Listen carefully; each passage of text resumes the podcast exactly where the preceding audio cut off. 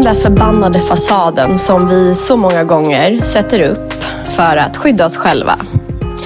Många av er som lyssnar känner er säkert igen er i bluffsyndromet. Det är det vi pratar om den här veckan i Soul Coaching-podden tillsammans med fantastiska Cassandra Brunstedt. Jag önskar dig en mysig lyssning. Men du, hej Cassandra och välkommen till Soul Coaching-podden.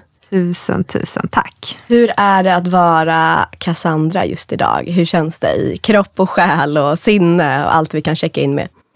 Eh, just idag så fyller min äldsta son tre år och det har varit ett sånt här riktmärke som vi, han har sett fram emot här så länge. Det känns som första födelsedagen som han verkligen har förstått att han fyller år, om du förstår vad jag menar. Eh, och vi har längtat efter det här för att han har liksom det har hänt så mycket mellan två och tre. Jag eh, brukar säga det, men jag är inte... Ja, eh, jag, jag, är inte den som uppskattar de här första åren mest, om man säger så. Den typen av mamma. Eh, så att eh, just nu så njuter jag för fullt av min stora pojke. Och eh, han fyllde som sagt år så han fick ja, men tårta och presenter på sängen i morse. Och han var så glad och bara se hans glädje. Eh, det brukar ju vara liksom kaosmorgnar. Vi har ju två små pojkar som ska på före i Sverige idag. Eh, men just idag så var alla på jättebra humör. Vi gick upp tidigt, det hade varit en jobbig natt. Men ändå så var det bara så glädje. Så att jag mm. känner bara så här, jag kommer hit och landar ändå i, ja, i den här studion som också är helt magisk. Med så te, vatten och rökelser och ett liksom kort som är draget till mig. Eh, och jag bara kände mig så välkomnad. Så att, ja, men en bra känsla. Mm, vad fint. Mm. Så finns det några mer känslor än glädje? Går det att sätta ord på? Eh, nej men utöver det så är, vi, alltså, är jag verkligen mitt i en period som är eh, ja, men ganska eh, utmanande. Eh, så det här är ju en topp under dagen, just den här glädjen. Nej, men annars befinner jag mig i liksom en ganska stressig period. Ehm, det finns otroligt mycket förhoppningar om saker som ska gå i lås framåt, men de har inte riktigt gått i lås än. Så att jag väntar på att någonting ska ske och eh, blir också stressad inför det eftersom jag är van att ha kontroll och van att ha kontroll i arbetslivet. Så. Jag har ju sagt upp mig från mitt eh, brödjobb så att säga. Och, eh, När gjorde du det? Eh, ja, men, eh, jag kör eget från augusti. Mm. Eh, ja, typ mitten av augusti. Så, så att det har ju varit några veckor då. Wow. och jag gillar ju när det går fort så att jag Um, ja, men du vet, I mitt huvud hade jag nog tänkt så här, men gud, tänk man har åtta timmar om dagen att göra saker. Det kommer ju ske hur mycket saker som helst. Det här kommer ju vara så magiskt för mig första gången. Eh, det är ju inte riktigt så, för att eh, jag kan ju kontrollera en viss del av eh, saker som händer. Men ganska mycket kan jag inte kontrollera som har med andra människor att göra och andra beslutsfattande och hit och dit. Ehm, så att ehm, jag måste ju igen, eh, det som alltid är liksom livets Eh, uppgift för mig att träna på tålamod. Eh, träna på att ehm, inte heller, liksom, målet är ju inte målet, utan det är ju resan. Och förstå det. Eh, men också ta in det och inte inte vara glad när det sker utan också nu uppskatta allt som är. För det är ändå en, en situation i livet som jag aldrig haft tidigare som jag har längtat efter på så många plan och på så många sätt. Och jag har försökt ibland att ta något steg åt det här hållet men sen så har jag alltid dragits tillbaka till tryggheten. Mm. Så nu känner jag att eh, bara att komma hit var ju ett mål. Men sen blir det så snabbt och normaliserat och så sen så ska det in massa andra saker, parametrar för att jag då ska känna mig liksom, nöjd. Eh, och det är ju tråkigt att det är så men eh, mm, mm. så en liten sån period. Eh, har också haft oerhört eh, jobbiga jag har ju eh, liksom varit gravid och sen har jag ammat i eh, sammanlagt nästan då, fyra år blir det. Ja men du vet, hela den perioden. Men sen så nu när jag har fått mens så har jag fått så otroliga PMS-besvär. Mm. Jag hade inte det innan. Eh, och jag har försökt googla på det här men det är mina toppar och dalar nu, de är enorma. Och jag hoppas att det neutraliseras snart. Men eh, det är faktiskt någonting som påverkar mig oerhört mycket. Jag har liksom googlat på det här PMD, PMDS. PMDS mm. ja. Eh, så det har varit, du vet, att jag ligger på botten, bottnarnas botten eh, i ja, det, det, kan vara upp till tio dagar på månaden. Så att, eh, det är också en, en period som jag befinner mig i just nu. Så att, mm. det har varit verkligen så här, nej men gud, hur ska jag klara av det här? Och det är ju väldigt, det, det är såklart ta uttryck psykiskt för mig, mest på måendet och så, men också fysiskt. Så den, den lilla detaljen har vi också i den här pusslet just nu. Att oh. det är stor del av månaden som är, jag får verkligen kämpa för att uh, hålla mig över ytan. typ så. Vart är du i din cykel precis just nu? Ja, men nu är jag faktiskt på en bra plats. Eh, och eh, det tog lite tid för mig att förstå det. Alltså jag förstod inte varför känner jag mig så arg, varför känner jag mig så himla ledsen hela tiden. Varför känns det som att alltså, allt har gått åt helvete och att ingenting funkar.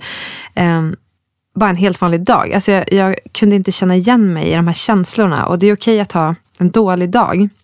Men sen att man har en till och en till och en till. Alltså, eh, det var verkligen någonting som jag inte hade upplevt tidigare på det här sättet. Så att eh, mm, nu har jag lagt ihop ett plus ett och jag började ju föra så här. Racka mensen. Exakt. Mm. Eh, och nu har jag kommit fram till, okej, okay, ja, det stämmer ju jättebra. Så det är ju det som har hänt. Och eh, eh, samla på sig mer kunskap om vad det kan innebära och, och vad jag kan göra åt det och så. Och jag är verkligen i början av den resan. Men um, ja, nej, men det har också varit så här oerhört eh, ja, dränerande, får man väl säga. Mm. Mm. Ja, jag hör dig. Och jag tror många som lyssnar också kan känna igen sig hur mycket det här påverkar våra liv. Och att vi ständigt lever i en cykel. Ah. Eh, jag pratade om det för några veckor sedan, att liksom, om man tittar på man, kvinna, att män har en dagscykel där testosteronet kanske är högst på morgonen. Mm. Och vi kvinnor lever liksom ständigt över hela månaden i en längre cykel som vi har pratat alldeles för lite om. Mm. Som jag också tror den håller ju på. Det tar ju mer plats i samhället. Mm. Och det behöver ta mer plats i samhället. Både hur vi kan stärka oss själva i cykeln men också hur vi kan ta hänsyn till kvinnor som är cykliska. Verkligen. Eh, och inte bara liksom ur ett så hälsoperspektiv och privat perspektiv att vi ska må bra. Också mm. tänker jag i, om vi nu ska kalla det vår karriär eller mm. på arbetsplatser eller i våra egna företag. Hur kan jag hjälpa mig själv? Mm. Jag kanske ska försöka att inte boka in tio möten de dagarna jag vet att det kan vara lite extra känsligt och jag kanske är mer introvert eller mm. liknande.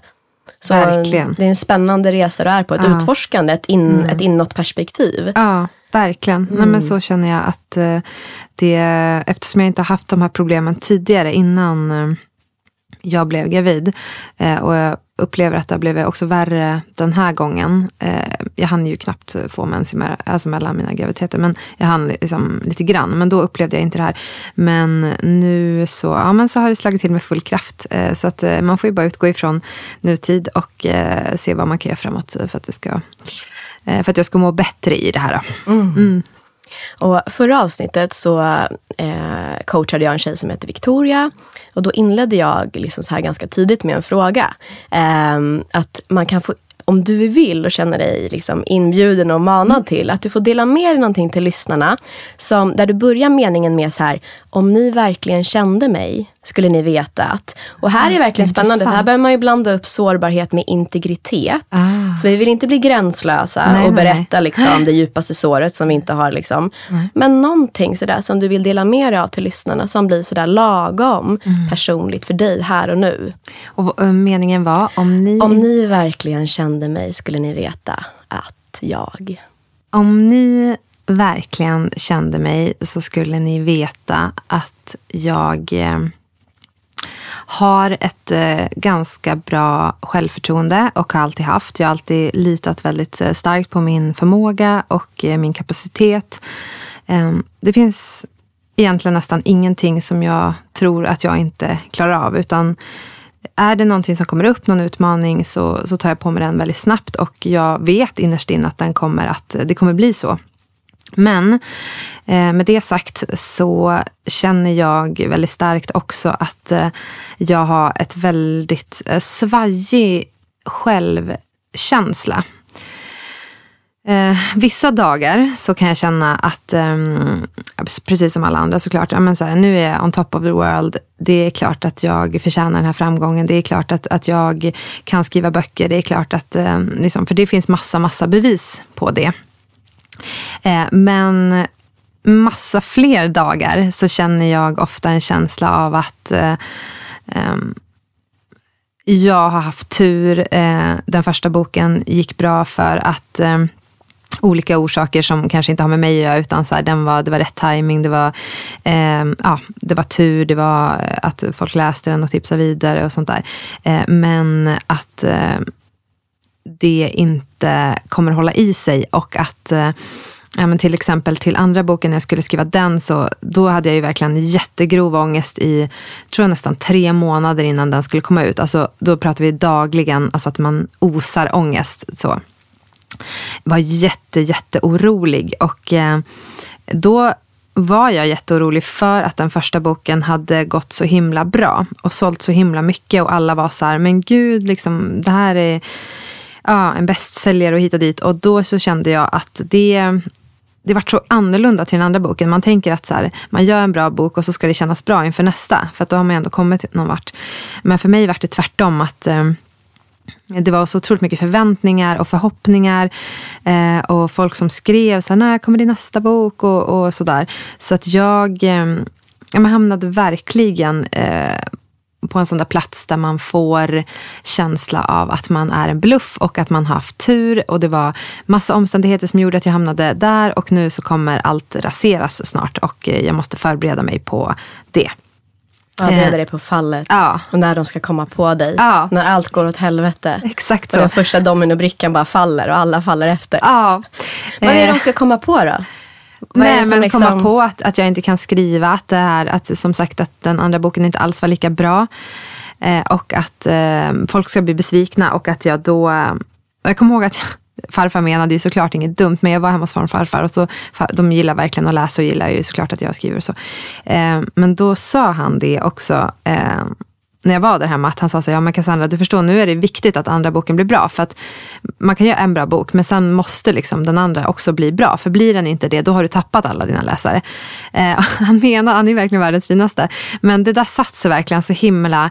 Jag var så här, men gud, han som också har läst så otroligt mycket böcker, som är så läsvan och lärare och liksom jättestor förebild liksom, på den Mm, sidan eller vad man säger med, när det har med läsande och så att göra.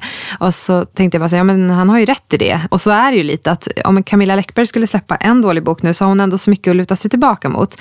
Så folk är bara så, ja okej, det, det, var inte, det var inte hennes bästa. Så. Men är man i början av sin karriär då är det nog ganska viktigt att det som kommer ut är en viss kvalitet. och eh, om man tycker att någonting var väldigt bra och så kommer någonting efter som man inte alls tyckte var bra.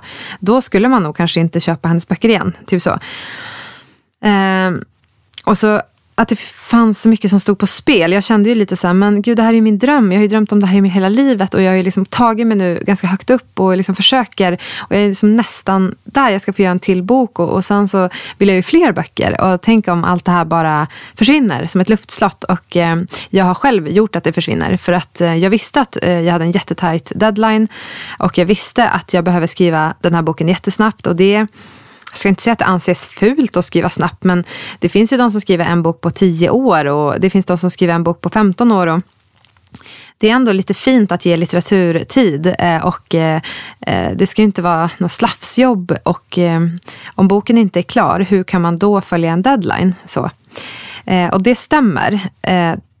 Men sen stämmer det också att man kan jobba väldigt effektivt mot deadlines, vilket jag till exempel är en person som alltid har gjort. Jag har ju varit journalist i hela mitt liv, så att jag har varit väldigt van att jobba med ett slut och jag har alltid varit ganska så här, ja, men jag har hur gott om tid som helst och sen när det verkligen börjar brinna i knutarna, då jäklar blir det liksom jobb gjort. Mm. Och jag förlitade mig lite på att det kommer att gå vägen. Jag vet att det kommer gå vägen. Um, men ändå så hade jag ju en liten pojke och jag hade heltidsjobb och liksom hus och man och hem och allt sånt där som skulle funka. Jag kunde ju liksom inte gå under jorden och bara sätta mig och skriva. Eh, så det var ändå svårt. Och eh, som sagt, det var, eh, man kan tänka sig att det var så här, åh vad glättigt och härligt det var den där perioden när, man, när något har gått så bra och så ska man skriva en till och så ska den komma ut. Men så var det inte, utan det var, eh, ja, men det var kämpigt eh, som bara den. Sen gick skrivandet bra, men eh, i mitt huvud hela tiden så ifrågasatte jag mig själv hela tiden och eh, min liksom, kritiska röst var jättestark och den är nästan alltid jättestark. Men jag har också någonting i mig som väldigt ofta säger så här, men ja, jag hör dig, jag förstår liksom att du försöker varna mig hela tiden, men jag vet att det kommer gå. Typ så. Men den, det filtret var som eh, borta på något sätt och den här kritiska var bara hela tiden varje dag och påminde så här, ja men det du gör är inte bra nog, eh, ingen kommer tycka att den här andra boken är bra och ja, du är en bluff som vi sa. Mm. typ så. Så det du ser framför dig, eller det är rättare sagt att du hör en röst. Det är, inte så att, är det så att du ser bilder också av det här mm. fallet eller är det mest röster? Eller vill du välkomna mig in i världen, mm. i din inre värld av hur det här ser ut? Är det röster, bilder? Mm. Vad är alltså det, det är väldigt ofta, eh, i mitt fall är det väldigt ofta att, att jag hör jag hör eh, röster helt enkelt, som, alltså en inre röst som, som ganska ofta säger under processen att det jag gör inte är bra nog. Typ så. Eh, och eh, jag har lärt mig, eftersom det har varit så här i hela mitt liv, att eh, finta den här rösten. Jag bryr mig inte jättemycket om den, utan jag fortsätter framåt och slutför saker. Och sen till slut har jag också lärt mig att det känns bra. Alltså, eh, hur dålig en bok än känns när jag sitter och skriver och det känns som att jag inte kan skriva och det känns som att eh, orden inte låter bra och så. Så sitter jag där på slutet och tycker att det är bra. Och om jag inte gör det så ger jag inte ut boken. Det vet jag alltid att eh, liksom, jag skulle gå igenom över alla kontrakt för att inte ge ut något som inte känns rätt i hjärtat. Det, det, måste, det är ett otroligt energiarbete med böcker. Jag har ju alltså, kanaliserat ut, menar jag, och hela innehållet eh, ur rätt källa. Den kommer inte från fel källa, utan den kommer från rätt källa. Eh, som är liksom ren energi som jag vet ska ner på pappret. Jag vet att orden ska hitta ut. Men sen kan de ändå låta dåliga i huvudet när jag formar dem till en mening. Eh, och att eh, liksom, jag är missnöjd med olika saker. Men i slutet av processen så måste jag känna att det här är 100% rätt och riktigt och känns liksom, energimässigt eh, att det här är den boken som skulle bli. Skulle jag inte känna så så skulle jag dra tillbaka den. Eh, och det visste jag redan då att så här, jag kommer nog att bryta kontraktet om det inte känns bra. Eh, men sen Minns du när du hörde den här rösten första gången inom dig? Kan du liksom härleda ett minne eller någonting, en situation eller en ålder? Kan du se, no se någonting framför dig? Nej, och det är nog för att det alltid har varit så, så starkt eh, mm, Du föddes mig. inte med den, det vet jag. Nej, precis, exakt. Eh, men ändå så... Eh, och det är svårt, för det är också det här som sagt att jag, eh, jag litar ju som sagt jättestarkt på min förmåga och vet att jag kan och allt det här. Så självförtroendet är ju ofta att jag är alltid den som om det är någon, så här, ah, är det någon tävling, du vet jag är först fram och eh, anmäler mig till de liksom, största utmaningarna. och mm, liksom springer maraton och, och hoppar fallskärm och liksom allt sånt där. Då är det bara så här, men gud det klarar jag på en sekund. Alltså så. Men det här är någonting djupare. En djupare känsla av liksom, tillfällig prestation. Mm. Om du förstår vad jag menar. Mm. Eh, Har du någonsin misslyckats? Ja, alltså det finns ju olika nivåer av att misslyckas. Eh, och eh, jag har ju misslyckats jag har ju tyckt i situationer att jag har misslyckats så. Eh, aldrig att jag har misslyckats på något sätt att det är verkligen så att ah, du fick bryta en deadline eller du eh, alltså klarade inte det du skulle ha gjort. Men sen har jag ju, eh, jag har ju varit på väldigt många jobb som jag känner att eh, det eh, ja, men att jag eh, ja, men till exempel har sagt upp mig därifrån och eh, då har jag känt att det är otroligt med stort misslyckande att jag inte eh, liksom, ja, det var ett dåligt exempel kanske. Har någon annan bekräftat ett misslyckande hos dig? Mm. Har du fått feedback Precis. som varit i nivå ja, av misslyckande? Exakt. Så, återigen, ja. har du någonsin misslyckats? På riktigt. Mm. Någonting som lyssnarna säkert ja. eh, så här, man kan bli vaken på med just bluffsyndrom. Precis. Är ju att väldigt många som har det och du är inte ensam. Eh, plus en och jag vet att många som lyssnar också känner igen sig. Eh, ofta har vi ju, nu säger jag vi, ah, för jag, jag ah. tycker vi drar in mig i det här också. Ah. Eh, vi har ju sällan misslyckats. Ja, det är sant. Det är sant. Så att det är också den man hela tiden Ja, härbärgerar sig. Det är sant. hela man tror att tiden. fallet ska vara så stort. För att man inte har någonting att um, identifiera med. Nej men precis, det finns ju inget, om jag bara går tillbaka nu och tänker efter. Det finns ju ingen situation där någon ja, men, har sparkat mig eller sagt liksom, du har gjort det här så otroligt dåligt så vi måste avsluta det samarbetet. Eller, alltså, jag känner ju inte igen någon sån situation. Så att, eh, nej, jag tror inte något egentligen misslyckande förutom i mina egna ögon. Då. Exakt. Ehm, Så det värsta du kan Ja. föreställa dig har aldrig hänt. Nej. Och det är ju ofta så Ja. det funkar med Ja. oro, Ja. tvivel och självkritik och hela den. Så det är ju Ja. liksom breaking news. Men det Nej. kan vara ganska så här skönt att landa in i, aha okej. Det här är också ett, liksom, ett scenario som jag ser framför mig som känns så skräckfyllt och som jag aldrig heller har upplevt. Nej. Nej. Och det är klart att det vi inte har upplevt Ja. kan kännas jätteskrämmande. Ja, så det kan vara en ganska så här, mänsklig, mjuk parameter att ta in. Gud, jag har inte upplevt det här. Nej. Uff, det känns läskigt. Vad Mm. är det där under sängen? Det är som när vi liksom, ja det är någonting under sängen men vi vågar inte riktigt titta dit för vi vet inte exakt vad det är. Och vi har inte riktigt upplevt det. Ja, när vi väl tittar dit så kanske det inte är så farligt. Mm. Men just det här att vi har inte upplevt det. Så självklart är det skrämmande. Verkligen. Nej men gud, och det, Hur landar det i dig? men det landar väldigt eh, naturligt i mig. Och eh, jag har ju nyss skrivit en, en bok eh, som handlar liksom om lyckoforskning och så. Eh, och där eh, liksom, kom det upp ganska tydligt när, när vi pratade med en forskare som sa att vi ofta vi är både dåliga på att förutspå lycka men också olycka. Ofta så ger vi dem helt fel proposition. Alltså så att vi tänker så här, men när jag får det här drömjobbet eller kommer in på den här drömskolan eller ehm, men som gör när jag får köra mitt egna företag och liksom göra vad jag vill på dagarna. Mm, eller hitta den här partnern. Då kommer jag vara så otroligt lycklig. Och eh, eh, Kanske inte att man tror att det ska hålla i sig men man tror ändå att man ska komma till en viss nivå av mer liksom, välmående. Men samma sak med olyckor. Då, att man så här, när han gör slut med mig eller när han lämnar mig och när eh, det här och det här händer. Men det har ju visat sig att vi blir ju inte så lyckliga som vi tror av vissa saker. Men vi blir heller inte så olyckliga som vi tror eh, av det vi föreställer oss. Så att det, det är så bra att ha, sätta ord på sådana här saker och höra dem och höra hur det funkar. Eh, och jag tycker också att eh, amen, allt det här med negativity bias, att vi är människor som ändå, alltså vi har ett negativt filter på oss. Och vi, vi har ju det för att eh, Evolutionärt så har det räddat oss från alla situationer och om du till exempel ger mig konstiga blickar så ska jag känna så okej okej det är något konstigt i det här rummet, vad är det som händer? Eh, och, så, och samma sak så såg vi liksom ränder på savannen så skulle vi springa istället för att eh, stå och betrakta dem bara så. Så att det, det är ju någonting som vi har med oss eh, för att vi är människor helt enkelt. Att Ja. vi ska se negativt på eh, saker till en början och så sen så ska vi ändå fortsätta framåt. och så sen så, alltså så. Ehm, så jag tycker att det hjälper mycket att veta, bara att liksom sätta ord på det. Name it to tame it på något sätt. Att ehm, jag faller ändå tillbaka till de här grejerna men eh, jag vet om dem, eller så. Och du är inte ensam. Nej. Och jag tänker också så här i en värld, bara för att spegla det här med bluffsyndrom. Mm. Alltså man, vi tittar både evolutionärt men också kanske så digitalt hur vi har i så många år kanske levt utanför det digitala och nu är vi verkligen i det digitala.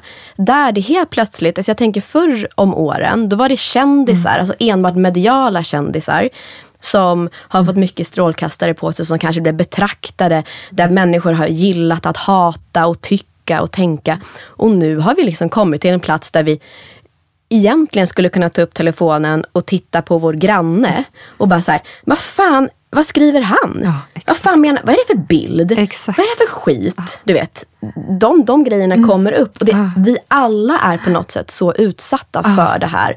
Och det, det är många forskare som också menar varför det har eskalerat så mycket med bluffsyndrom. För det är inte längre bara de allra mest kända. Och nu är ju du också liksom en mer känd person och offentlig. Men att det alla drabbas på Ja, något sätt. Och verkligen. många gånger kan vi hitta olika strategier för att typ skydda oss från det där. Vissa av oss, ni kanske känner igen er, bygger upp en fasad. Eh, där vi kanske upplever att det är väldigt stort glapp mellan den vi ger oss ut för att vara och de vi känner att vi är. Vissa av oss jobbar väldigt mycket med perfektionism.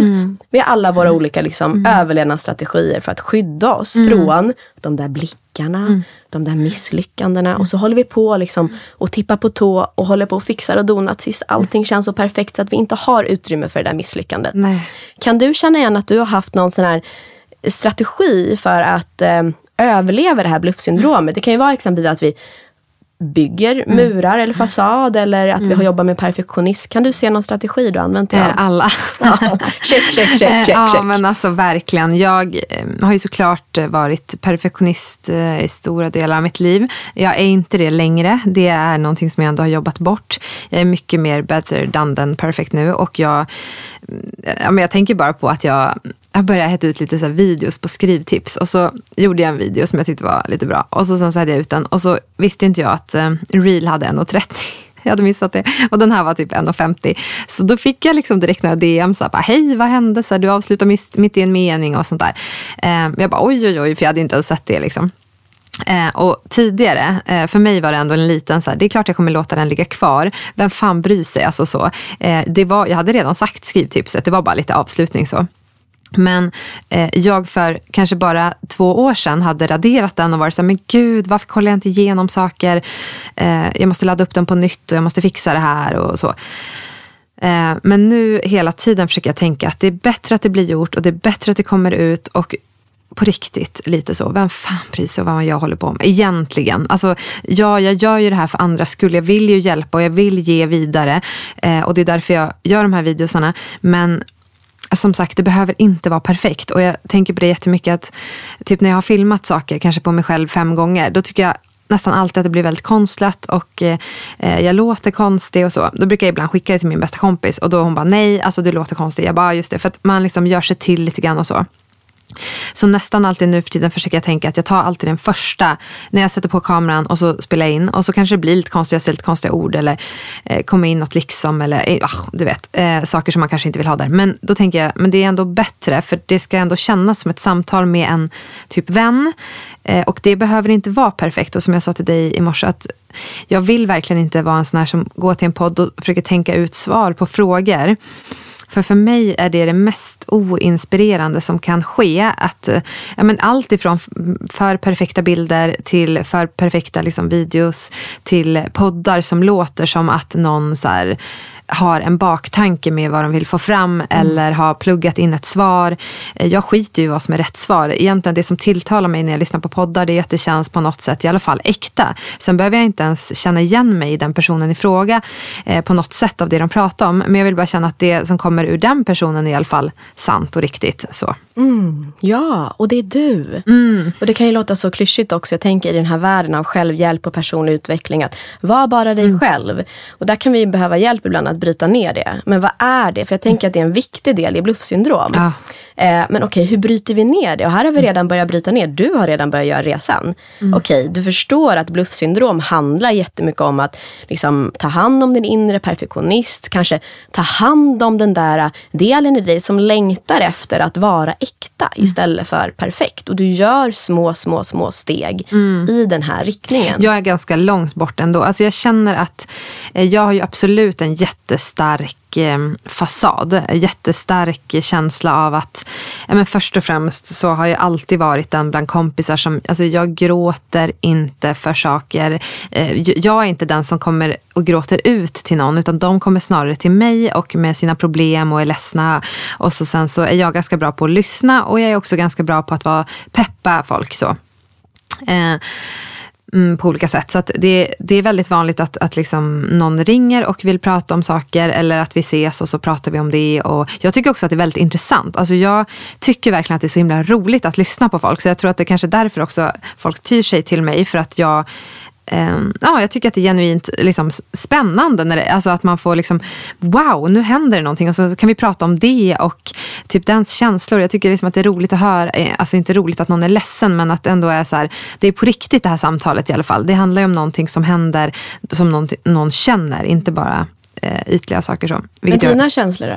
Ja men precis. Men, men, men jag själv har ju alltid varit, eh, eh, jag kan absolut säga så här, gud jag är så irriterad på min chef och jag är så, du vet sådana känslor, de är, det kallar jag ytliga känslor.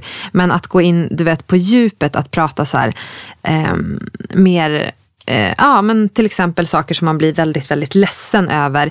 ehm, och ehm, mycket mer personliga saker, det har jag haft mycket svårare för. Jag har egentligen min, min allra bästa vän som jag har haft sedan liksom ett år gammal. Eh, vi, hon kan jag prata med med allt, men annars där stannar det. Liksom. Jag går inte, skulle inte berätta vad som helst till vem som helst. Ehm, Uh, det är konstigt för alla som hör det här skulle se mig, alla ser mig som en öppen bok. Jag berättar ju vad som helst hela tiden och säger för mycket och min man är så, va vi träffade de här nu och du berättar om du vet uh, det mest intima på din förlossning. Alltså, så att jag är öppen på ett sätt uh, om du förstår skillnaden. Men för mig är inte det sårbart. Jag kan egentligen dela vad som helst här i den här podden. Men du vet det här som är riktigt skaver i ens liv, det som är så här, eh, ja, det mest, mest liksom privata, det, eh, det skulle jag inte dela. Eh, absolut inte till vem som helst. Eh, så att ehm, Mm, ja, ganska stark eh, liksom, fasad, men också på sociala medier. Jag försöker jobba med det jättemycket. Och det är därför jag började skriva böcker, för där fick jag ju verkligen ut mina riktiga tankar och känslor i mina böcker. Och det är därför jag tror att de har blivit så populära och att folk känner igen sig så mycket i dem och mina texter. Jag har alltid haft lätt att, att beskriva det jag känner i text och där känns det väldigt naturligt och eh, liksom inte utlämnande fast det ändå är det på något sätt eftersom min första bok delvis var eh, upplevda du har ju en annan form av kontroll kanske. Exakt. Det blir ett format, Precis. en paketering ja. och där även finns en distans. Att det här är inte Nej. hela jag utan det är också en karaktär. Precis. Det finns en annan kontrollmekanism ja. där du egentligen också skyddar dig mot sårbarhet. Ja. Vilket vi också ska påminna oss om. Det är viktigt att skydda oss. Det är viktigt mm. att ha gränser. Mm. För många gånger när jag jobbar med klienter kan det ju vara så här ja men okej, men nu har jag bestämt mig. Jag ska bara bli så sårbar. Eh, alltså jag ska bara så här, gå in på kontoret och så ska jag bara skrika till alla, berätta vad jag känner och så ska jag bara typ, nu överdriver jag, men klä av mig naken och ska springa runt och bara de får ta mig. Det är liksom. Men det är ju inte heller liksom steget. Vi behöver ju ta små, små steg mm. i den, den, från den platsen vi är. Ja. Och där kan man ju spännande liksom fråga sig själv, så här, okej, okay, mm. inom vilka områden känner jag att jag upprätthåller en fasad mm. som inte gynnar mig? För det mm. som ofta händer är ju att det blir ett glapp mm. mellan den jag åh, inom mig känner mm. att jag är och den som mm. kanske betraktar mig, tror att jag är. Ja. Och den är ju jättejobbig att bära på. Och det betyder inte att vi behöver berätta allt Nej. för alla hela tiden. Men ibland kan det här bluffsyndromet också faktiskt vara någonting att våga titta på i form av okej, okay, men vad skulle ett steg för mig vara att mm. faktiskt bara dra ihop mm. det här glappet lite grann. Bara ja. en liten, liten, mm. liten, liten, liten liksom centimeter. Mm. Kan du se i ditt liv att det finns en fasad någonstans, eller en mur, eller mm. vad du tycker om, eller en kostym, eller vad vi än vill kalla det. Där du skulle vilja liksom börja utmana lite, att så här, rucka lite på de här centimeterna som ju är skillnaden mellan du, den du känner att du är och den du utger dig för att vara. Jag känner eh, ofta att eh, fasaden i mitt fall, den blir alltid att vara eh, den ja, men positiva personen och den som eh, tar väldigt stort socialt ansvar, eh, både på jobb och eh, alltså, mm, privat. Eh, det spelar ingen roll om det är liksom en parmiddag eller om det är liksom ett kompisgäng eller om det är eh, nya relationer eller om det är på ett möte så känner jag lite att jag måste vara den drivande parten. Om det inte finns någon annan som kan vara det i alla fall. Eh, och att jag, och det är då det blir de här att jag berättar historier och, och drar liksom skämt och folk skrattar och tycker det är kul och, och sånt där. Men eh, det eh, kan jag ganska ofta känna att jag inte får vila i eh, sociala sammanhang. Och eh, folk tycker så att, eh, ja, men, att man är rolig och, och liksom skrattar och, och att det händer saker och sånt där.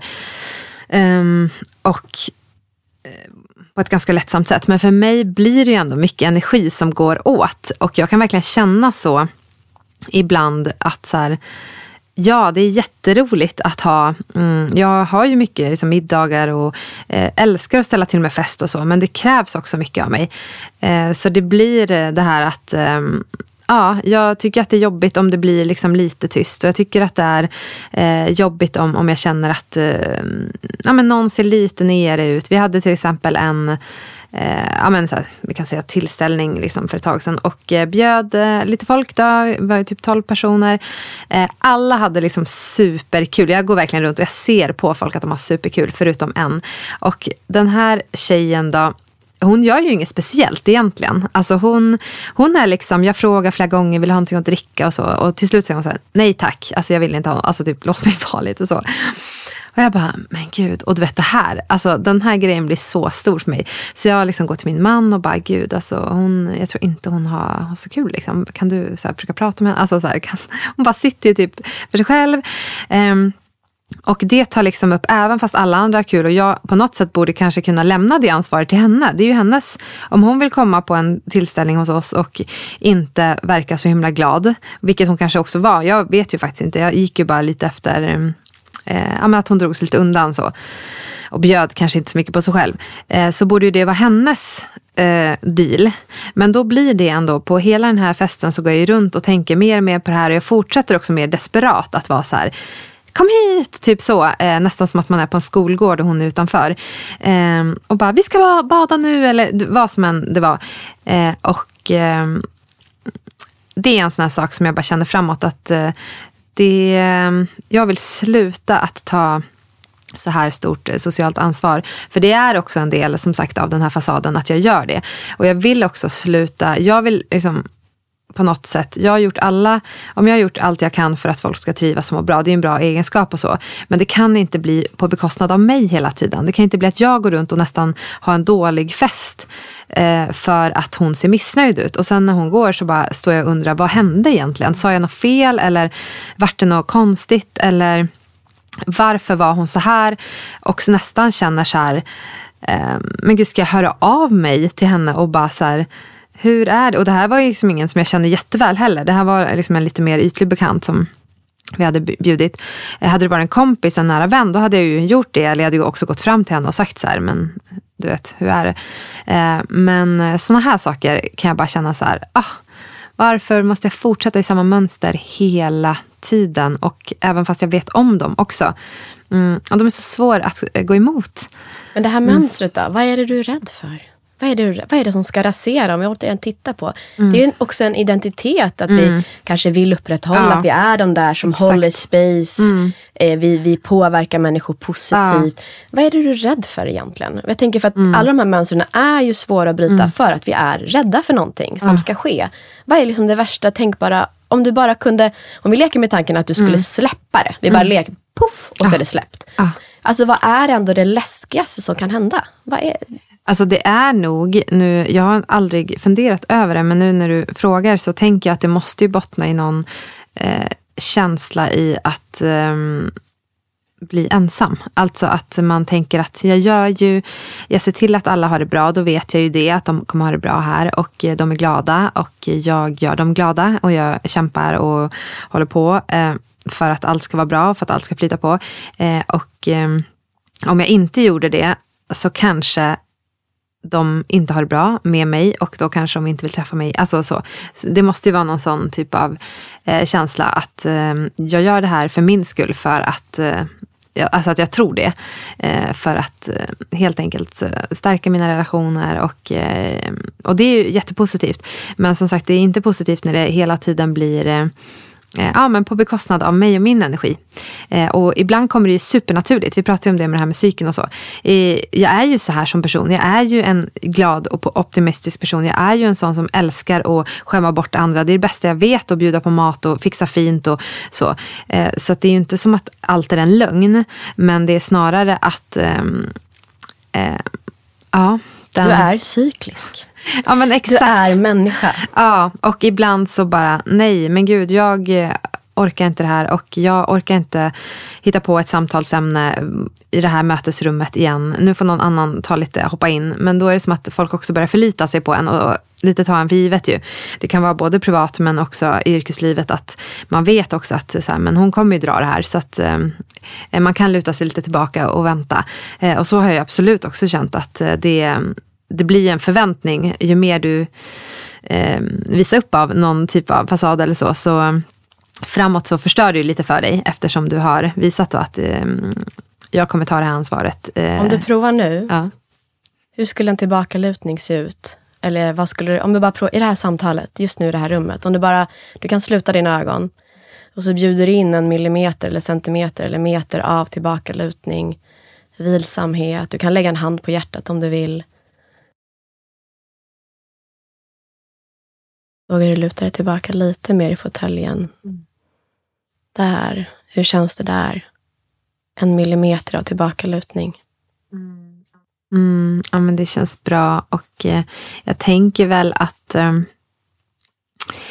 eh, en sån grej skulle kunna vara att man, eh, man sätter ord på känslorna först och främst. Alltså, jag tror ju mycket på att kommunikation är eh, men bara att säga eh, till några som, eh, vilket sammanhang det än är, att säga, ja men jag är lite, ja men du vet, jag, är, kommer vara, jag känner mig lite eh, off idag eller lite trött. Alltså lite trött kan man ju säga, det kan jag också säga. Men det är också att man kanske måste sätta fler ord på känslan för att folk ska förstå. Man kanske inte kan använda bara lite trött för det är alla hela tiden känns det som.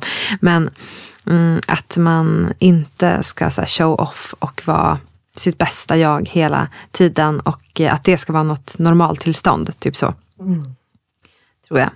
Eh, och sen också kunna vila i att eh, om man är tillsammans i jättemånga timmar, då kanske man kan ha eh, stunder på den dagen som är så här, men nu sitter jag bara för mig själv och jag bryr mig inte om om jag ser glad ut, utan jag bara sitter och är så. Eh, och då kanske andra också får ha sådana stunder, tänker jag, om jag skulle tillåta mig själv. För det är det som var skillnaden med den där bekanta jag pratade om, att jag skulle aldrig gå på en fest och vara lite off. Alltså jag är den som kommer till en bjudning och är så här, men gud, har du gjort snittar? Gud, det är de godaste jag ätit. Jag överdriver ju. Men det är också för att jag vet hur mycket kärlek på riktigt, för det är det jag tycker. Jag tycker att man lägger ner, det är så mycket energi nedlagt i att bjuda hem någon till sig och ge av någonting. Vare sig det handlar om att man har bakat eller eh, bara bjuder på ett glas bubbel eller, eller en middag. Det, liksom, det är otroligt mycket energi och kärlek tycker jag. För det är så mycket jag pratar själv med liksom mitt kärleksspråk är ju att liksom, ge och skämma bort andra och jag tycker att det är jätteroligt och jag får jättemycket av det. Och därför om jag blir hembjuden till någon så tycker jag verkligen att de förtjänar all typ av positiv energi. Så jag är verkligen den som, det spelar ingen roll att någon skulle ha gjort slut med mig, så skulle jag komma och dyka upp och vara mitt allra bästa jag. Och den, det är ju en fasad, det hör du ju. För det liksom, man kan ju inte säga så. Man kan ju inte säga att man bara ska dyka upp. Men det vet jag, för att hos mig är det så starkt inpräntat att eh, eh, ja, man, man, eh, man... Du byta ut man mot jag? Jag, jag, jag. Ja men precis. Om jag går hem till någon så kommer jag att ge den av min energi. Jag kommer inte ta den energin. Åh, vad skönt det var du sa jag. Ja. Kände du själv bara, ah, ah, jag. Ja, men precis. Mm. Jag kommer att göra det. Eh, så att, ehm, och, det och det tror jag också är en grej som eh, jag måste släppa lite på.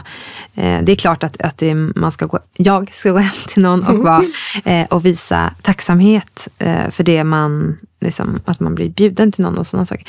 Men... Ehm, Vad är motsatsen till ditt bästa jag? Vad är ditt sämsta jag?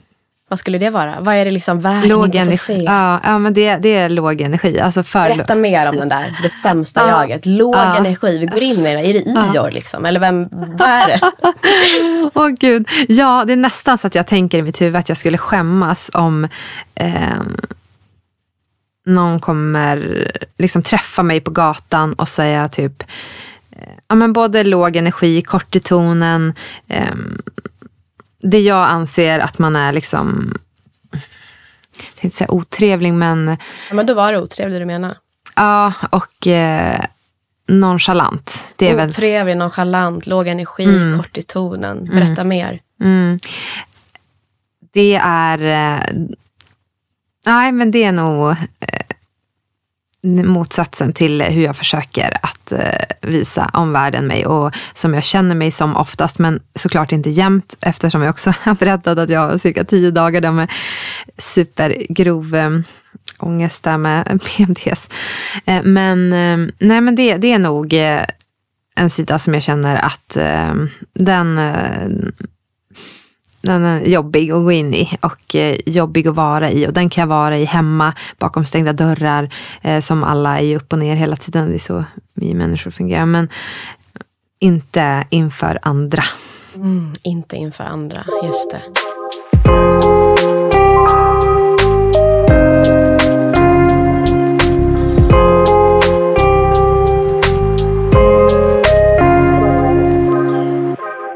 Vad skulle hända om du visar den här sidan. Vi var inne på det tidigare, men om den här sidan får ta lite plats. Och då, nu har vi ju liksom satt det bästa jaget kontra det sämsta jaget. Det här är ju en skala. Mm.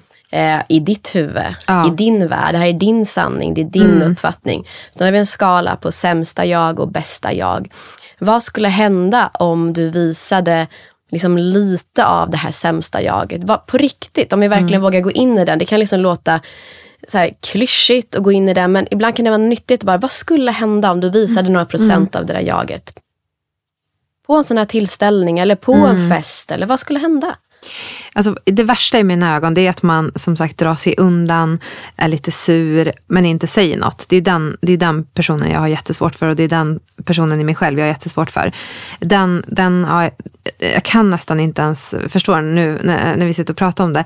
Jag förstår ju om man sätter ord på saker. Jag förstår om du berättar för mig. Då kan jag förstå. Och då, det är då jag är den här som jag vill ju jättegärna lyssna och jag vill ju jättegärna att du ska dela med dig. Och, eh, så.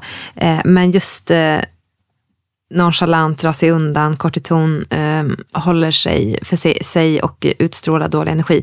Eh, den eh, den tar jag jätteilla vid mig för. För då sätter ju någon inte ord på vad det är till mig. Så jag kan inte få förstå vad det är för någonting. Och det är då jag alltid tror att jag har gjort något eller sagt något. Eller um, ja, på något sätt. Och jag vet inte hur många gånger jag har sagt så till min man. Och han bara, men herregud, alltså, du säger inte så konstiga saker. Det är väl klart du inte har sagt något konstigt. Alltså, så. Um, det har ingenting med dig att Jag tror inte att allt handlar om dig hela tiden. Och lite så är det ju. att uh, um, Ibland känns det som att jag har det här också, det kallas ju spotlight-effekten, men att man tror att allt handlar om sig själv. Och det är väldigt jobbigt att gå runt och tro att andras humör och beteende alltid har med mig att göra. Eh, och det är väl därför jag har hittat någon typ av stolthet i att försöka hålla uppe mitt eget humör. Att jag inte ska vara någon som gör så mot någon annan. Eh, och att jag tycker att det är lite elakt att vara så mot någon för att eh, det, ja, jag vet ju själv hur det känns i mig. Eh, och eh, så försöker jag i alla fall jobba på att aldrig visa så själv. Men... Um, det låter som att det finns en längtan ändå att sänka garden, ja. att tillåta ditt hela mm. spektra som människa. Ja. Och att du också har en värdering i att det finns någon grundläggande värdering mm. i dig, hör jag, som bara så här, vet att det är okej okay att mm. vara en människa mm. med fullt känsloregister och egentligen energiregister. Mm. Ja. Och att det är viktigt för dig i det att kommunicera. Mm. Och det kan ju vara ja. så att, det behöver vi inte gå in på, men det kan ju vara så att under din uppväxt eller både anknytningspersoner och mm. andra personer inte alltid har kommunicerat. Mm. Så det har blivit liksom läskigt och oförutsägbart. Mm. Och nu vill du också bryta det mönstret mm. i form av att faktiskt ta ansvar och berätta mm. att nu känns det så här. Ja. Så att sänka garden och bjuda in den här ärliga sårbarheten emellanåt. Mm. Skulle det kunna vara ett sätt för dig att välkomna hela dig själv och se dig själv som mer tillräcklig. Mm. Även när du svajar i det här spektrat mellan mm. ditt bästa jag och ditt sämsta jag. Mm. Kommunikationen. Verkligen. Ja, för det är på något sätt, eh, jag bara ser till att jag jag har så lätt att sätta ord på saker också. Men ändå så när jag sätter ord, alltså du vet att jag träffar någon och så säger jag exakt det jag sa till dig, att nu har jag PMDS. Så det är så lätt att, att säga, eh, ja men gud jag har haft ångest och jag har känt det och jag var verkligen nere på botten och så. Och jag hör mig själv, fast du vet det är med ett leende och det är ändå så här, ah, ja nu, vi, eh, nu tar vi ett glas här och har det trevligt. Eller, du vet, så att det, det är ändå att det aldrig, jag kanske säger det, men det får aldrig komma ut på något annat sätt. Och det är väl det jag känner att jag måste kommunikation i eh, samarbete med eh, att jag också tillåter mig själv då, då att kanske så här, nu har jag ju berättat det här.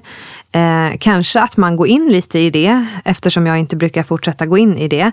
Eh, men också att jag kanske då i kombination kan tillåta mig själv att vara som jag nyss har förklarat, att jag känner mig. Eh, för det, som sagt, orden hittar jag enkelt och de de är inget läskiga för mig att ta, men det är snarare att gå till handling. Att så här, våga var, visa sig sårbar utan att bara prata om det.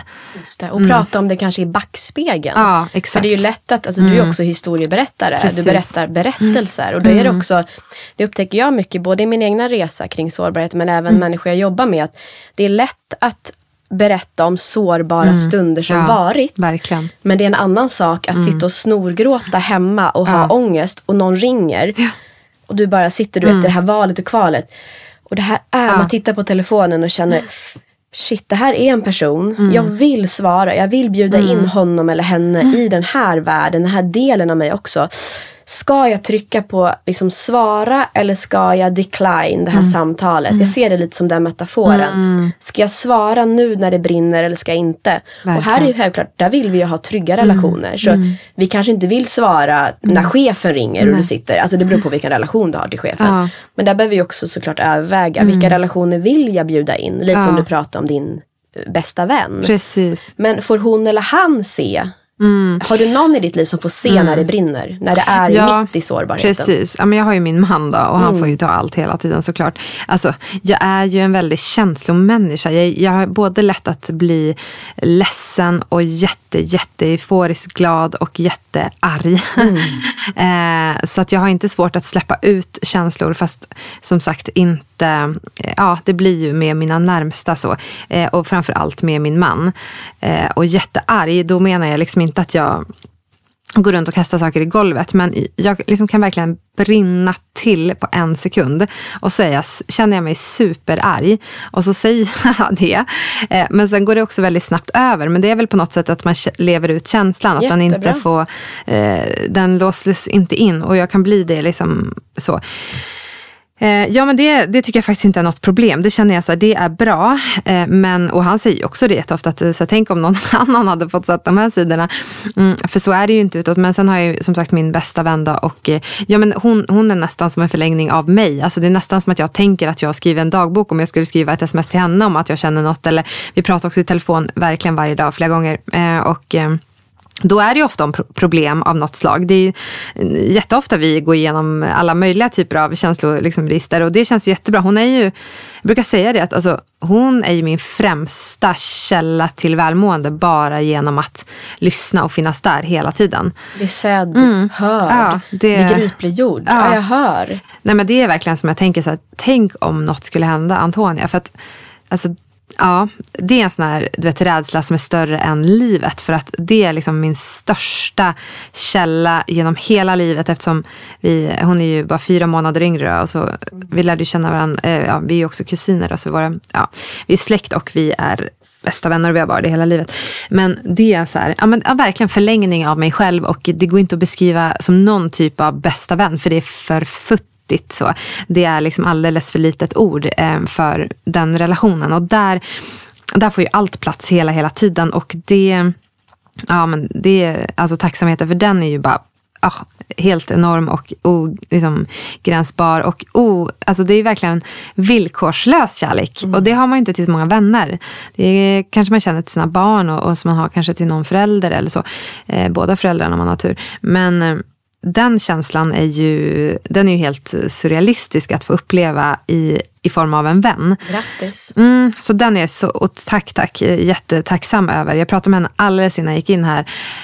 Um, och nej, men hon är ju bara en sån här sånt otroligt stöd och eh, i alla de här känslorna, upp och ner, hit och dit, eh, så, så får man känna sig lite normal hela tiden. Eh, hon är väldigt snabb på också så här, du vet, att man bekräftar den andra, som du också gör, att så här, plus en där. Alltså bara man hör att någon annan känner det man känner eller förstår.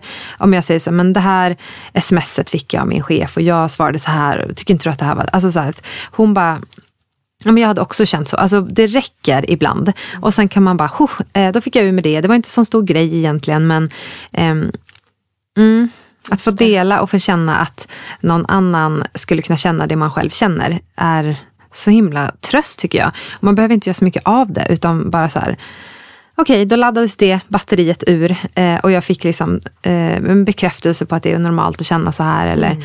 Mm, och så sen så skulle du vilja ha mer av den där känslan i fler relationer och fler sammanhang? Och hur skulle det kunna mm. praktiskt se ut? Vi har varit inne på mm. det lite grann, men hur skulle det faktiskt praktiskt kunna se ut? Jag skulle ju definitivt kunna, för det är också en sån grej att eh, med Antonia, vi brukar säga det, att med henne skulle aldrig kunna gå energi för att för med henne skulle jag ju kunna sitta tyst. Med henne skulle jag ju kunna sitta utan att... Jag kan ju sitta och vara irriterad och hon kommer ju såklart se det på en sekund. Hon har ju det på telefon på en sekund eller på sms också. Men eh, det är väl snarare det att eh, man eh, i sådana fall skulle eh, vara mer hela känsloregistret med, eh, med någon annan också. Så.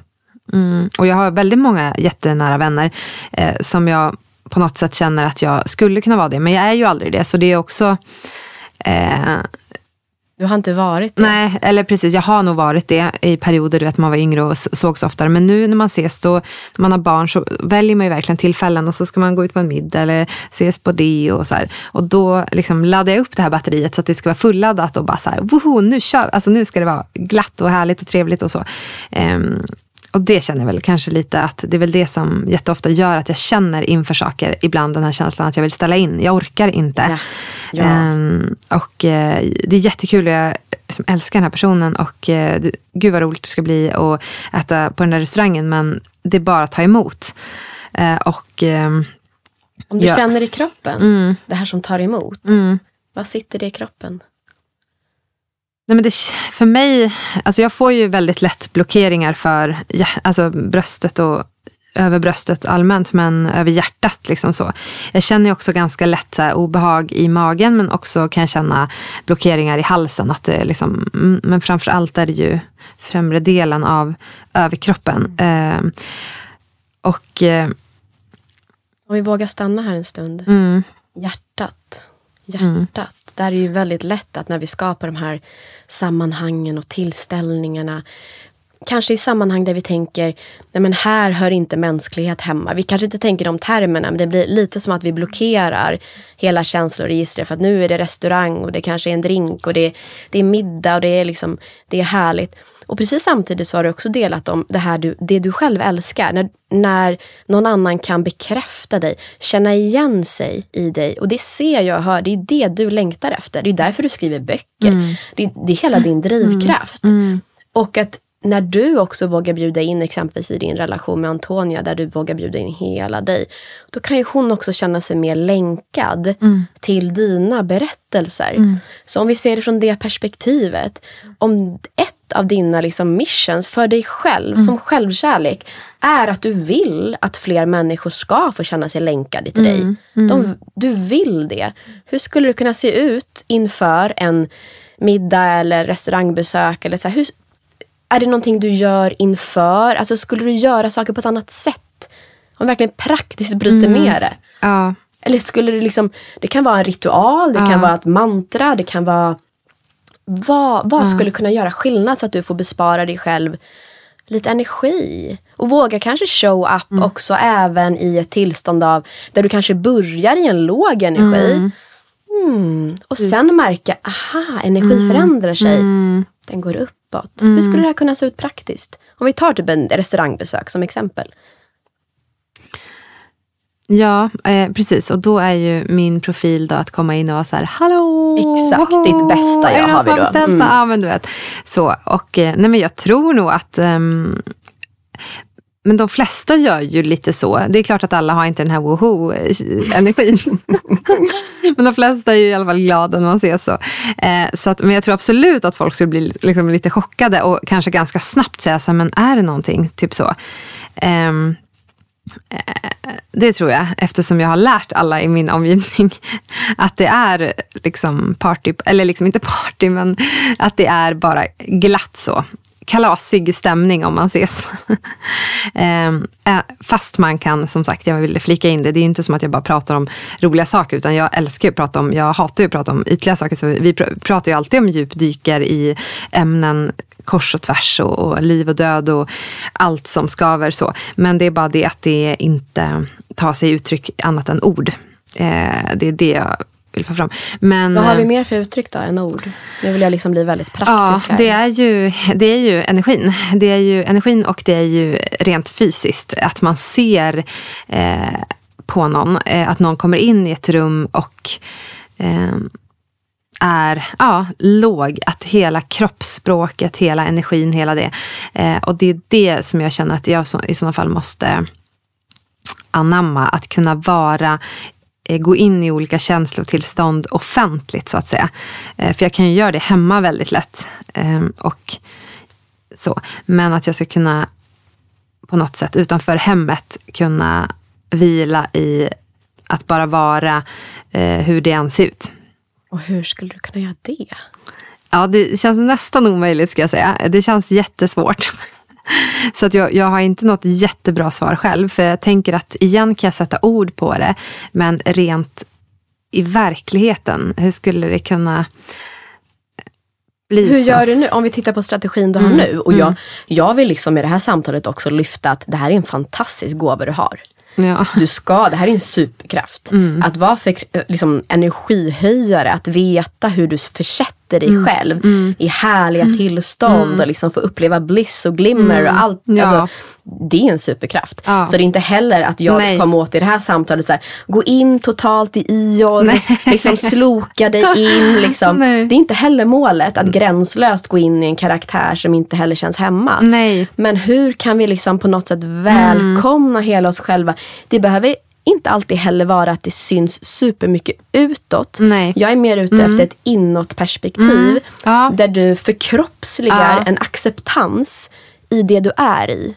Om du förstår liksom vart jag vill komma. För- bra. Hur kan jag förkroppsliga en acceptans och nästan berätta för mig själv att det är okej Mm. att även om min den här energinivån förblir under hela kvällen så är det okej. Mm. Sen är jag 110% säker på att den kommer inte förbli. Nej. För jag vet att du är en Precis. människa som får energi av, Av andra.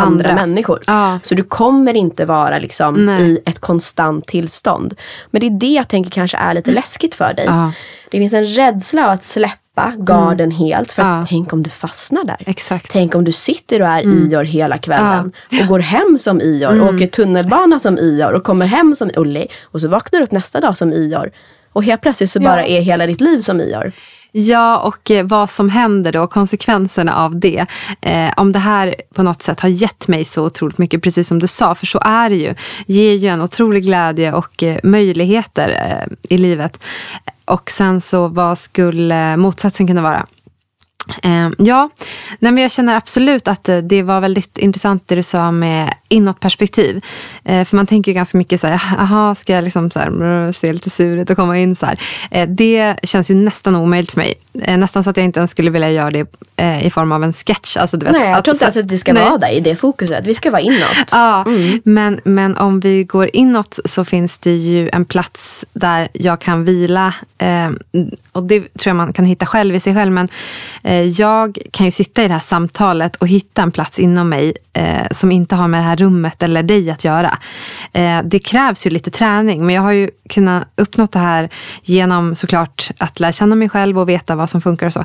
Men det finns liksom en plats i mig där jag ganska ofta kan koppla upp mig och känna så här okej, nu vet jag att ja, men jag är inte nervös i det här tillståndet utan jag är, ja, men det är någon typ av, komma i kontakt med någon kärna på något sätt. Eh, den kärnan kan ju, den är ganska enkel i det här samtalet till exempel för att ja, men det är bara du och jag som sitter här. Jag behöver inte fokusera på någon annan människa, hur den har det eller eh, försöka få in den i samtalet eller något sånt. Och sen är det ju tyst och lugnt i övrigt och, och eh, mysig stämning och sådär. Jag är ju väldigt känslig för alla typer av energier så jag kan ju inte sitta i alla typer av rum. Jag tycker att det är jättejobbigt med vissa typer av belysning och sånt där. Det påverkar mig jättemycket hur saker och ting är. Det var därför jag sa såhär, åh vad mysigt det var att komma in här för att Mm, det är väldigt litet här men det är ändå väldigt, ja men det är mysigt, så känner man. Det är en mysig känsla och det känns som att du har ansträngt dig lite grann. Det känns så härligt och trevligt att få landa här. Um, nu kommer jag kanske bort ifrån svaret här. Ja, nej men just det. Den eh, platsen, den är svårare för mig att connecta med om det är stimmigt, om det är höga ljudnivåer och mycket brus. Så ganska ofta i eh, vardagslivet, yrkeslivet, då tappar ju den lilla, man ser som att det är som en liten slang som går till en liten kärna. Så, så bara bom, så är den borta och så, då är det bara egentligen Mm, det blir ju mycket mer ytligt allting. Intressant, du gjorde en rörelse nu. Där när, när den här kärnan försvann, då drog du liksom mot höger. Och sen när du menar på att när kärnan liksom var Ah, nådd, då gjorde du det det. mot hjärtat. Just och vi var inne också på hjärt- Just det. hjärtat. Just det. Så att vi kanske ska liksom Mm. forska lite i, okej, hur kommer jag i kontakt med mitt hjärta? Hur kan jag komma i kontakt med mitt hjärta? I stimuli, behöver jag dra mig Mm. undan? Behöver jag gå på toaletten? Behöver jag, om jag åker bil, om jag åker tunnelbana, behöver jag liksom någon typ av kanske till och med också flera gånger under en kväll behöver jag kanske komma tillbaka till mitt hjärta och våga liksom öppna det. Kanske är det en utandning, är det en hand på hjärtat? Vad är det här? Är det liksom ett mantra att vad jag än känner nu så tänker jag inte förändra, allt är okej. Alltså, vad, mm. Hur kan vi förkroppsliga den här acceptansen utan att känna prestation i att nu ska jag bli den här personen mm. som alltid vågar visa mitt sämsta jag. Men mer mm. som du säger en intern mm. acceptans. Hur kan jag komma till den? Vad behöver jag inför mm. ett sånt här tillfälle, under ett sånt här tillfälle och kanske det viktigaste, efter. Så hur kan jag liksom inför, under och efter. För precis som att du är bra på att peppa upp energin mm. inför, du är bra på att peppa energin under ett restaurangbesök. Mm. Och du kanske även är bra på att så här, efteråt, gud vad trevligt vi hade och vi, liksom, vi skickar mm. bilder och Exakt. sms. Jättehärligt, mm. vi, vi älskar ju det. Mm. Och hur kan vi även i det här connecta med hjärtat och mm. acceptansen och bara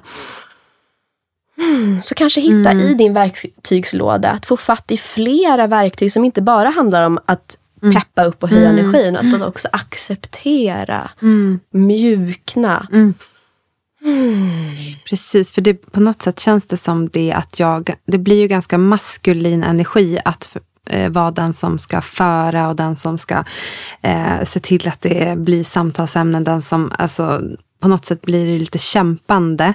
Och det blir ju, den feminina energin, den blir ju det här att, eh, det du nämner, så det är den jag ganska ofta kan få brist av. Jag har eh, den liksom lugna energin. Mm. Eh, jag har ju liksom mycket mjukhet i mig och liksom så, men eh, ändå så känner jag att eh, det är alltid utifrån görande av något slag som eh, det, det som kommer naturligt för mig. Så att det jag behöver träna på är ju verkligen det andra. Ja, men precis som jag sa i början här, att det är ehm, att jag känner att det är så mycket som jag inte kan påverka själv och då liksom går jag runt och tänker på det. Och det här är lite samma sak, att eh, bara så försöka mm, ja, men nu känner jag så här, nu är jag i det här och så bara försöka acceptera. Mm. Istället för att streta emot och kämpa mot något och, och verkligen så här. Mm, nej, nej, men det känns, känns rätt i mig att det är det jag behöver eh, träna på framåt. Mm. Och hur kan du träna på det? Men jag tror att, att det du sa var bra. Alltså för mig är det bra att ha någon typ av till exempel bara att lägga handen på hjärtat. Ofta funkar det väldigt bra. Eh, för att då förs fokuset dit naturligt och eh, ganska enkelt kan, har jag upplevt tidigare, nu är det kanske lite svårt i den här perioden när jag känner att det är ganska mycket eh, liksom blockeringar över bröstet. så. Eh, för det har varit liksom en sån period. Men annars så känner jag ganska enkelt att det går att um, riva den där muren. Alltså att den, den är ganska ytlig hela tiden. Men att det aldrig är för att man stannar upp och andas igenom hjärtat som den får hålla sig uppe. Men så fort man liksom lägger handen där och bara ja, men tar lite djupa andetag och typ blundar. Bara den lilla grejen. Och det behöver bara vara några sekunder. Alltså det behöver kanske vara en minut. Så känner jag liksom ganska snabbt jämt att ja, men okej, nu, nu är jag tillbaka och nu är rösten så som den ska vara. Det är liksom ingen falsett, det är ingen um, ja, men du vet att andetaget kommer längre nerifrån av sig själv. Inte utifrån att jag har eh, mediterat länge eller kört yoga. Alltså, det bara blir så för att man har andats genom hjärtat. Alltså typ så jättesyre. Just det, kommer ner i kroppen. Mm. Jag hör, hör, din röst nu ändrades. Ja. Nu pratar du längre ner från, mm. du kommer liksom i hjärtat, den kommer nästan ner i rot och mage. Mm. Och liksom, ja. det, blir, det är också spännande att leka med det här. Ja. Att vi kan prata, om man tittar på mig nu, liksom, att vi kan prata utifrån olika platser. Att nu är jag mer nere i roten och pratar. Mm. Jag förflyttar mig lite uppåt och sen när vi kommer upp här och då blir det lite ljusare och det blir ljusare. Och vi mm. kan leka med de energierna i kroppen mm. snarare än att jobba väldigt mycket med det mentala. Det är en viktig bit mm. också. Men genom att ändra vårt mindset att till liksom, fokus på kroppen Mm, ta hjälp, precis som du säger, med andning i hjärtat, på olika sätt komma ner i kroppen. Och då mm. tänker jag också, på tal om bluffsyndrom, att det lever ju så mycket i vårt huvud. Mm. Bluffsyndromet får eld i vårt huvud och mm. det är där vi bygger så mycket av vår mm. egna värld. Och Det är ju läskigt att släppa taget om det. Och jag tänker att mycket att släppa taget om sitt huvud handlar om att komma ner i kroppen. Verkligen. Och du har ju alla de här verktygen. Du har ju alla verktygen. Ja. Ja. Att våga anamma ja. dem och våga använda dem även ja. när det känns som att vi ska vara här uppe mm. för att vara tillräckliga. Mm. För någonstans kanske det är det vi längtar efter också. Att vara mm. tillräckliga, tillräckliga, älskade och bli sedda. Ja, och att man på något sätt eh, eh, tror att man måste kämpa för att nå det. Eh, det man lite, eller jag? Jag måste mm. kämpa för att nå det. Mm. Att det inte räcker att eh, ja, vara för att nå det. Att det är tillräckligt och väl och eh, man blir älskad. Eh, ja, nej men det ligger mycket i det, känner jag, nu när vi pratar om det. Mm. mm. Så nu initierar vi att liksom släppa kamp mm. lite grann. Mm. Vi släpper kamp. Vi behöver inte kämpa. Du har dina två sidor av där du vet att du är bra på görandet. Du är mm. bra på görandet. Och att våga bjuda in den här äh, nästan kontrollförlusten i varandet ett par gånger även i sociala sammanhang och se bara utforska, se det som en lek. Vad är det som händer? Mm. Vad händer om jag släpper taget om det här en stund? Om så bara för tio andetag. Vad händer om jag bara betraktar, lyssnar, lyssnar in mig själv även i sammanhang där det är liksom stojigt och stimmigt. Hmm, Okej. Okay. Och kanske har det innan ett sånt här möte under ett sånt här möte då, om vi säger restaurangbesök. Och kanske även efter, att göra någon form av energidusch kan man ju kalla det. För mm. er som lyssnar kan ju energidusch vara att om vi är känsliga människor suger vi upp mycket av energierna som har varit i ett rum. Man kan mm. Känna sig liksom väldigt påverkad av stimmiga miljöer eller andras känslor eller tillstånd. Att också efter att mm, duscha av sig på sitt egna sätt. Vissa vill ta en riktig dusch. Mm. Alltså en varm eller kall dusch i duschen. Andra vill ha mer en ritual där man liksom kanske stryker sina händer över kroppen eller man, man har andra mer andra ritualer helt enkelt för hur man vill energiduscha. Så att se det här som, precis som vi har varit inne också på tidigare kring att lycka, lycka är någonting som vi kanske inte liksom bara vaknar upp i och känner, utan att vi behöver jobba lite grann med den här acceptansen och hitta våra verktyg för hur vi kan förkroppsliga den här acceptansen för att kunna vara hela vårt spektra och på så sätt också vara äkta mm. i fler sammanhang. Och så här långt in i samtalet så känner jag sån otrolig värme med dig och vi ska snart börja avrunda. Vart är vi nu? Hur känns det i din kropp? Vad tar du med dig så här långt in i samtalet? Mm, jo, men det känns jättebra. Det känns, eh, det känns som att många saker som jag har funderat över har ändå fått falla på plats på något sätt. Eh, och jag tar med mig mycket av att eh, men ingen annan, ibland känns det som att jag väntar på att någon ska säga så här, men du kan slappna av, du kan bara vara, du kan så. Ehm, och att jag måste ändå jobba lite framåt med att ändå vara alltså, snällare med mig själv på något sätt. Att inte ha de här jättehöga förväntningarna som jag ändå sa att jag har ändå blivit riktigt bra på när det gäller prestation i övrigt. Att jag eh, tycker liksom better done than perfect och kanske bättre att, att show off än att eh, liksom ställa in bara för att man känner att man inte orkar vara på topp.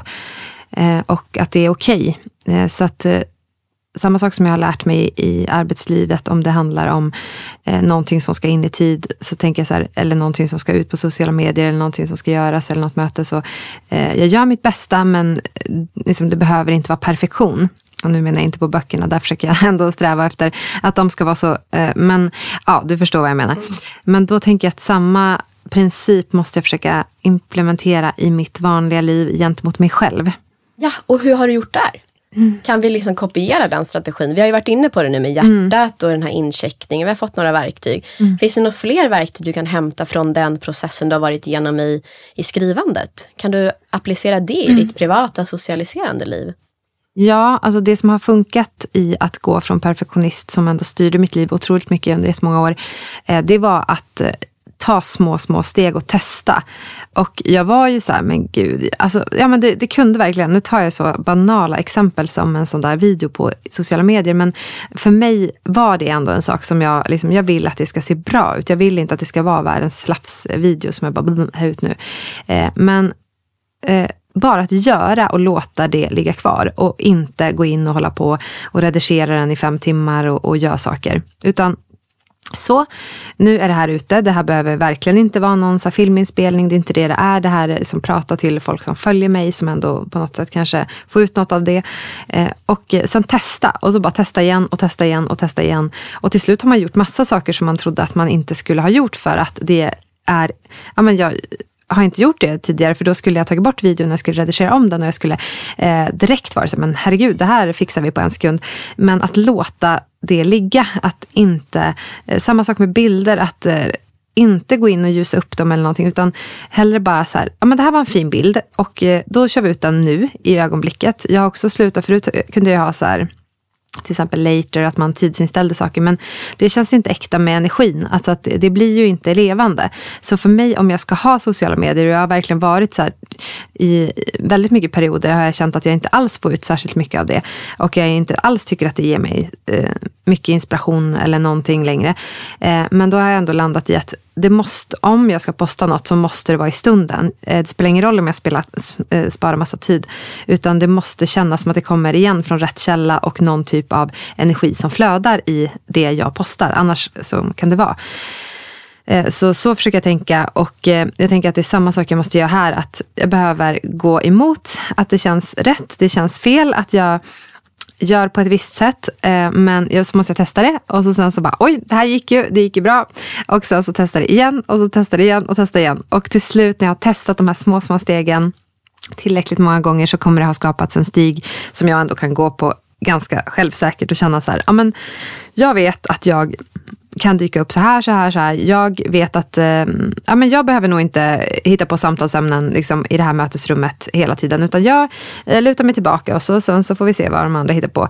Eh, och jag behöver inte hålla i alla lekar den här gången på den här du vet, jobbdagen. Eh, det kan någon annan göra. Alltså, mm, bara säga nej till saker och inte vara den som eh, styr upp och fixar och eh, levererar och eh, ja, eh, få ta ett, eh, hoppa bak i tåget, lite längre bak och eh, vila lite grann. Mm. Det tror jag, mm. fler gånger. För då hade jag nog känt att det känns mer lustfyllt ofta. Att jag ändå, för det är det jag har känt ganska mycket, att det, det både förväntas sig saker och mm, både mina förväntningar och andras förväntningar eh, och att det inte finns så mycket plats att eh, bara vara och få vila. Mm. mm. Vad ska vi kalla det här kapitlet? För vi skriver ett nytt kapitel nu i din bok? Vad ska vi kalla det här? För nu initierar du, nu har du liksom skickat mm. ut det. Nu är det dags. Mm. Vad kallar vi det här Kalla kapitlet? det här kapitlet.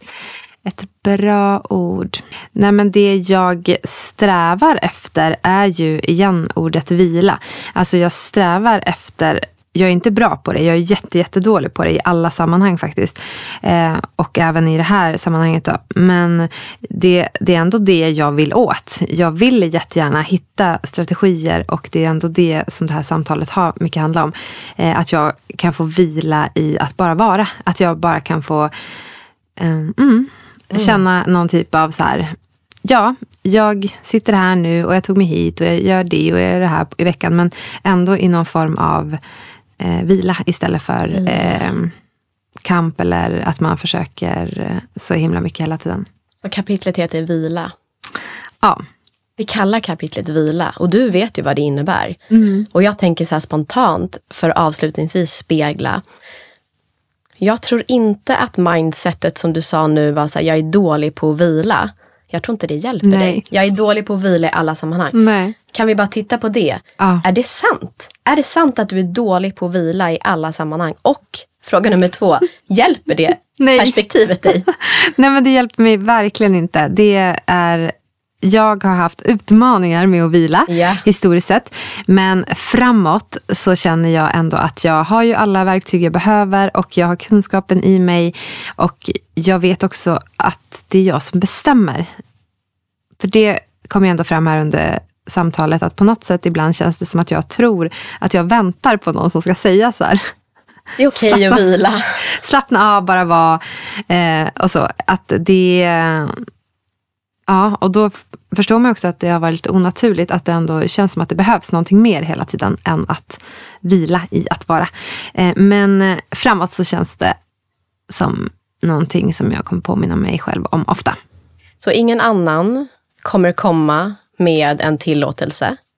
De kanske kommer bekräfta dig i det här, men du är ansvarig för att ge dig själv tillåtelsen. Du är inte ansvarig för att det här liksom har skapats, för det här är ju programmeringar som skapas av samhället och familj och vänner och det, allt det här. Vi, vi alla har ju utmaningar mm. i att vila. Mm. Och det är inte liksom ditt fel att det har skapats, men det är ditt ansvar nu att ge dig själv tillåtelsen mm. och att äga den. Mm. Och vila också från eh, den självkritiska rösten. Eh, känner jag också att den eh, vill jag också vara bättre på att vila ifrån. Även om jag kan finta den enkelt så eh, vill jag ändå kunna svara att eh, jag hör dig men jag tror inte på dig för att du är inte sann. Typ så. Ah, finns det några avslutande ord som du vill säga till dig själv innan vi avslutar samtalet helt? Ja, men jag har skrivit böcker om det här ämnet och eh, Ehm, det är en sån återkommande, ett återkommande ord som jag säger till andra och som jag försöker förmedla.